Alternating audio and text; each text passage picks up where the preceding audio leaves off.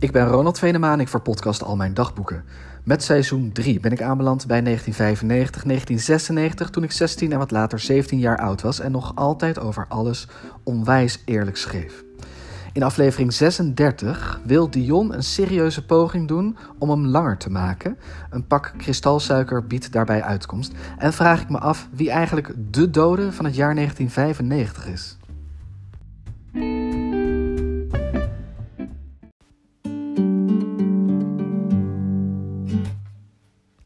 26 december 1995, dinsdag, 11 uur 41.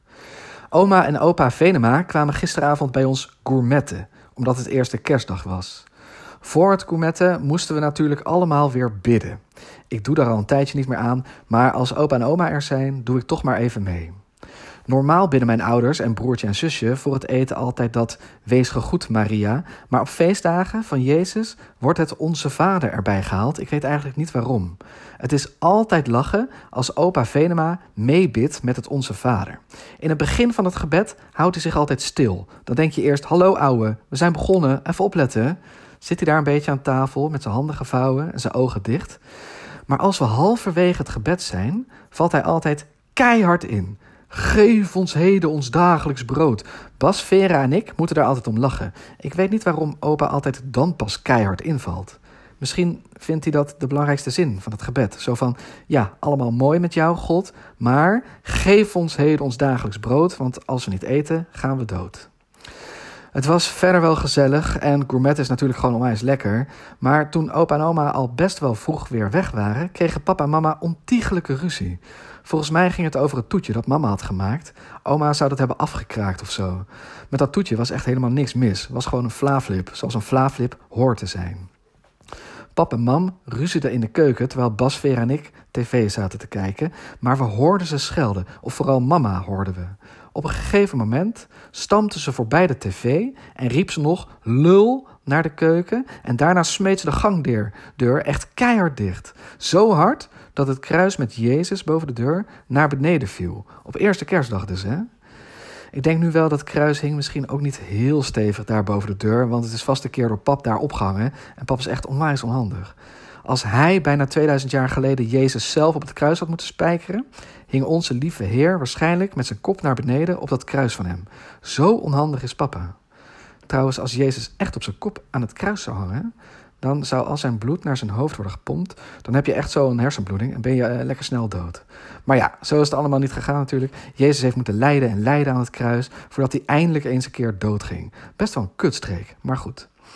Pap liep ook boos van de keuken naar de deur. Ik dacht, die gaat iets naar boven roepen, naar mama. Hopelijk gaat hij lekker schelden. Maar bij de deur bleef hij staan en raapte dat kruis op. Hij keek ernaar en zei: Ieder huisje heeft zijn kruisje. Jesus. Tegen ons zei hij dat hij naar boven ging om met mama te praten. Hij vroeg of een van ons de hamer wilde pakken om dat kruisje weer boven de deur te hangen. Pap ging naar boven. Bas vroeg of ik dat kruisje wilde ophangen. Ik zei: Amme hoela, Bas, ik zit net lekker en jij bent onze timmerman met je vogelhuisjes. Hang jij dat kruis maar op. Maar Bas had daar ook geen zin in en Vera is nog te klein om het te doen. Ik vroeg me af of Bas nog in God geloofde. Volgens mij zit hij een beetje op het randje. Ik geloof al jaren niet meer, dus ik zei: Als er boven onze deur geen kruis meer hangt, Bas, dan kan God vanavond nog ons hele huis in fik steken. Hè? We zijn dan gedoemd. En we zullen met z'n allen een gruwelijke dood sterven. En daarna komen we in de hel, waar we voor eeuwig en eeuwig zullen branden. Wil je dat?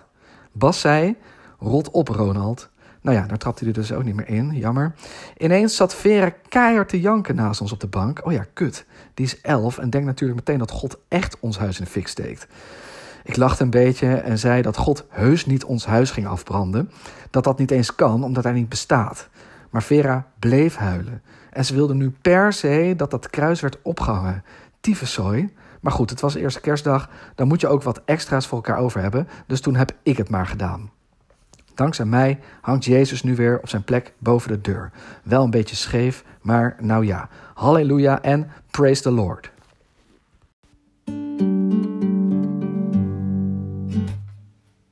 ...29 december 1995, vrijdag, 22 uur 12. Vanmorgen werd ik om half elf wakker. Ik heb me daarna iets van vier uur zitten vervelen en ben toen naar Dion gegaan. Bij hem thuis hebben we ons samen zitten vervelen op zijn kamer. Vroeger gingen we nog wel eens Mario karten, maar zijn Nintendo's naar de kloten. Dus nu hadden we maar gewoon MTV opgezet. Er was een unplugged concert van de Cranberries. Ik kan niet zo goed tegen de stem van die zangeres. En ze zeikt altijd zo over die zombies. In your head, in your head, zombie, zombie, ehe, ehe, ehe. Dion zat maar wat voor zich uit te staren. Het leek er niet op dat hij luisterde naar dat gehinnik van de Cranberries. Ik vroeg waar hij aan dacht. Hij zei dat het hem zo relaxed leek als hij zichzelf zou kunnen pijpen. Ik begreep even niet waar dat nou weer vandaan kwam. En zei ja, ja, ja, relaxed. Hij vroeg of ik dat kon. Ik had daar nog nooit over nagedacht en ik heb het ook nog nooit geprobeerd, maar het lijkt niet zo makkelijk. Dus ik zei: Nee, ik denk niet dat ik dat kan. Dion zei dat hij wel eens had gehoord dat er een vent bestaat die zichzelf kan pijpen en dat die vent dus de hele dag niks anders meer deed. Hij moest er uiteindelijk mee stoppen wegens heel veel rugpijn. Dion zei dat ik mezelf misschien ook wel kon pijpen. Volgens hem heb je er maar drie dingen voor nodig. Je moet slank zijn, je moet een beetje lenig zijn en je moet een grote lul hebben. Dion zei: Check, check, checker de check, Ronald, met je 15 centimeter. Had ik ooit tegen hem gezegd dat hij van mij 15 centimeter is? Ik wist het niet meer precies. Het is niet helemaal waar. Het ligt er een beetje aan vanaf waar je meet. Maar daar zei ik maar niks over. Ik vroeg of hij zichzelf wel eens had geprobeerd te pijpen. Dion zei: Ja, natuurlijk. Dat moet elke jongen een keer proberen. Stel je voor dat het lukt. Ik knikte. Dion zei dat hij helaas niet eens in de buurt kwam. Hij zei: Ik ben best lenig en niet dik, maar mijn pik is echt te kort. Eigen pijperij zit er voor mij gewoon niet in. Dat was ook zo. Dion was niet zo groot geschapen. Ik was dat alweer vergeten. We hadden het er ook al heel lang niet over gehad. Maar Dion bleek hier toch nog wel behoorlijk mee te zitten. Want hij vertelde dat hij had gehoord hoe je je piemel langer kunt maken. Dan bind je een touwtje om je snikkel en aan dat touwtje hang je gewichtjes zodat je piemel wordt uitgerekt. Volgens Dion moet je dan een uurtje zo blijven staan. En dat minimaal één keer in de week voor de rest van je leven. Dion denkt dat het wel iets van 2 centimeter scheelt als je dat doet. Hij vindt dat het proberen wel waard. Hij vroeg zich alleen af hoe je aan van die gewichtjes kon komen en hoeveel kilo hij überhaupt aan zijn leuter kon hangen. Ik had echt geen idee. Hij liep naar beneden en kwam naar boven met een vol pak suiker. Het was een pak kristalsuiker van een kilo. Hij legde het in mijn hand. Ik woog het eens goed. Ik vond het nog best zwaar. Eigenlijk moest ik er niet aan denken om een hele kilo suiker aan mijn piemel te hebben hangen. Dus ik zei dat hij er beter eerst nog wat suiker uit kon halen voordat hij de boel zou ophangen. Dion vond het ook wel. Hij zei dat hij er waarschijnlijk de helft uit zou halen, want een halve kilo suiker moet toch zat zijn. Hij zei dat hij er vanavond mee aan de slag ging. En tegen mij zei hij dat ik aan de slag moest gaan met eigen pijperij. En dat ik niet meteen moest opgeven, dat ik er ook op kon gaan trainen. Ik lachte en zei: Ja, dat is goed hoor. Ik weet niet of Dion nu ook echt aan de slag is met zijn halve pak suiker. Ik was in ieder geval niet van plan om mezelf te gaan pijpen. Ik hoef geen piemels in mijn mond, zelfs niet als die piemel van mezelf is. Oké, heel eerlijk. Ik heb net wel geprobeerd hoe ver ik kwam met mijn mond. Ik zat op bed en boog mijn hoofd zo ver mogelijk voorover richting kruis. Nou, ik kom net als Dion nog niet eens in de buurt. Ik kan wel een jaar gaan trainen hierop, maar zelfs dan gaat het me nooit lukken. Volgens mij moet je echt een stijve van een halve meter hebben en op turnen zitten om jezelf te kunnen pijpen. Het is ook wel beter als de man zichzelf niet kan pijpen. Stel je voor dat het wel zou lukken. Dan doen mannen niks anders meer, gaan ze ook niet meer achter de vrouwen aan en voor je het weet is de mensheid uitgestorven. Pijpen doe je gewoon niet alleen. Zoiets moet je samen doen. Ik ga tukken. Wel trusten.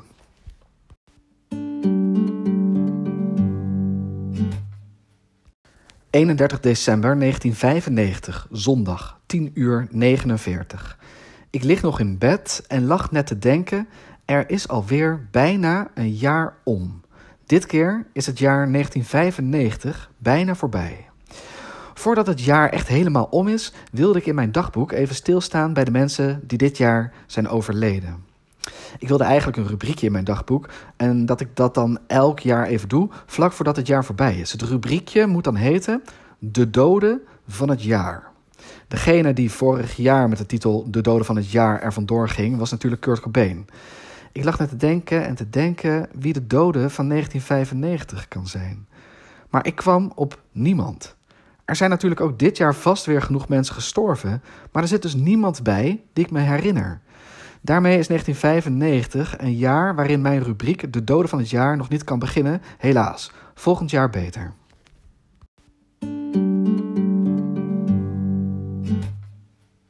1 januari 1996, maandag, 18 uur 11.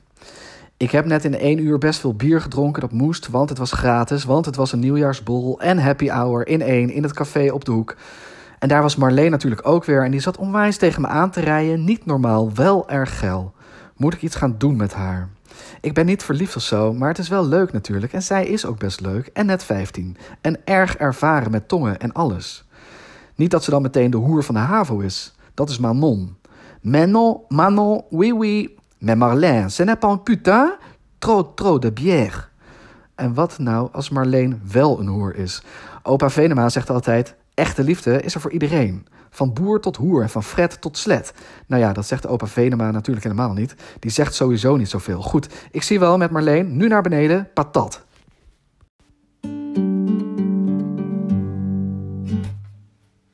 ...4 januari 1996, donderdag, 15 uur 48. Ik stop met Vals Licht. Dat is een boek van Joost Zwaagman. Ik heb het geleend van Dion, die vond het wel aardig. Hij vertelde dat het over een hoertje ging en over een student die hoerenloper is en op haar verliefd wordt. Dat klinkt natuurlijk erg interessant, maar het valt nogal tegen. Bij Giphart is het gewoon meteen boem, porno, iedereen blij. Maar Zwageman draait er een beetje omheen. Ik heb nu al vier hoofdstukken gelezen en die student is dus een hoerenloper. Maar nergens beschrijft Zwageman eens even duidelijk hoe die gast aan het neuken is. Erg saai. Misschien gebeurt dat wel verderop in het boek, maar daar ga ik niet op wachten. Ik kap ermee. Joost Zwageman gebruikt trouwens wel mooiere woorden dan Giphart. In deze zin bijvoorbeeld. Achter zijn ribben klabangde zijn hart. Klabangde, heel mooi. Heeft hij zelf verzonnen, want het staat niet in mijn vandalen. Waarschijnlijk hoopt Zwageman op deze manier ook in de vandalen te komen. Ik begrijp dat wel, maar het is echt niet eenvoudig om zomaar een nieuw woord in het woordenboek te krijgen.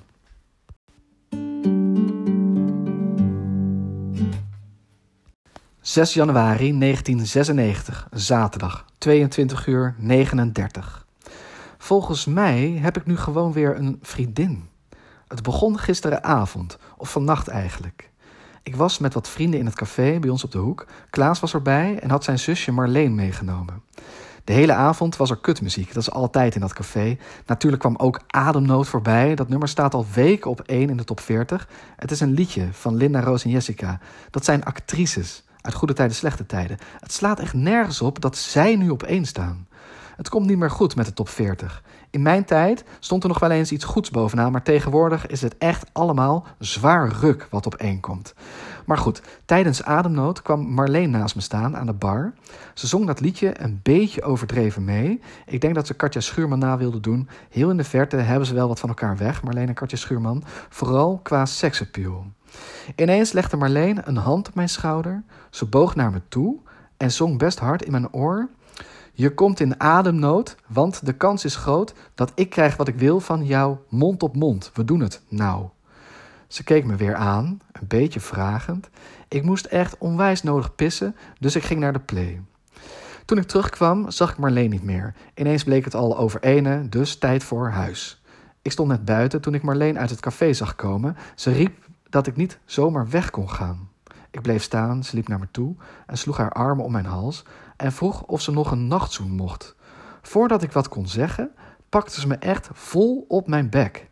Heftig, maar ook hartstikke prima natuurlijk. Toen ging ik naar huis. Vanmiddag belde Klaas me op. Hij vroeg hoe het ging. Ik zei goed. Hij vroeg of ik nog getongd had. Dat wist hij heus wel. Marleen en hij vertellen elkaar veel, heel veel volgens mij. Dus ik zei eerlijk ja, met je zusje. Hij vroeg wat ik van haar vond. Ja, goede vraag. Mijn verliefdheidsmeter slaat nu ook weer niet helemaal door of zo. Staat, wat Marleen betreft, op 74, zoiets. Ruim voldoende dus, een 7,4. Geen slecht cijfer, maar nog een lange weg naar de 10. Ik zei tegen Klaas dat ik zijn zusje heel erg leuk vond. Meteen kreeg ik haar aan de lijn. Volgens mij had ze mee zitten luisteren. Ze vroeg of ze vanavond nog even langs mocht komen. Dat mocht. Dus we hebben vanavond even op mijn kamer gezeten. Een beetje gepraat. Volgens mij wilden ze gewoon weten of wij nu met elkaar gaan. Maar we zijn geen kleuters. Zoiets vraag je niet. Toen ze net wegging, hebben we bij de deur weer uitgebreid staan tongen. Dan ga je eigenlijk wel met elkaar. Na dat tongen hield ze haar armen om mijn hals en keek ze me aan en lachte ze en zei ze: Delen we de passie weer? Ik vond het een beetje raar gezegd, maar zei maar ja. Toen ze al weg was, begreep ik pas dat dat zinnetje van de passie delen ook uit ademnood komt. Nou Marleen, deze is voor jou. Vannacht was heftig, je krijgt van mij een 7,4. Oh ho.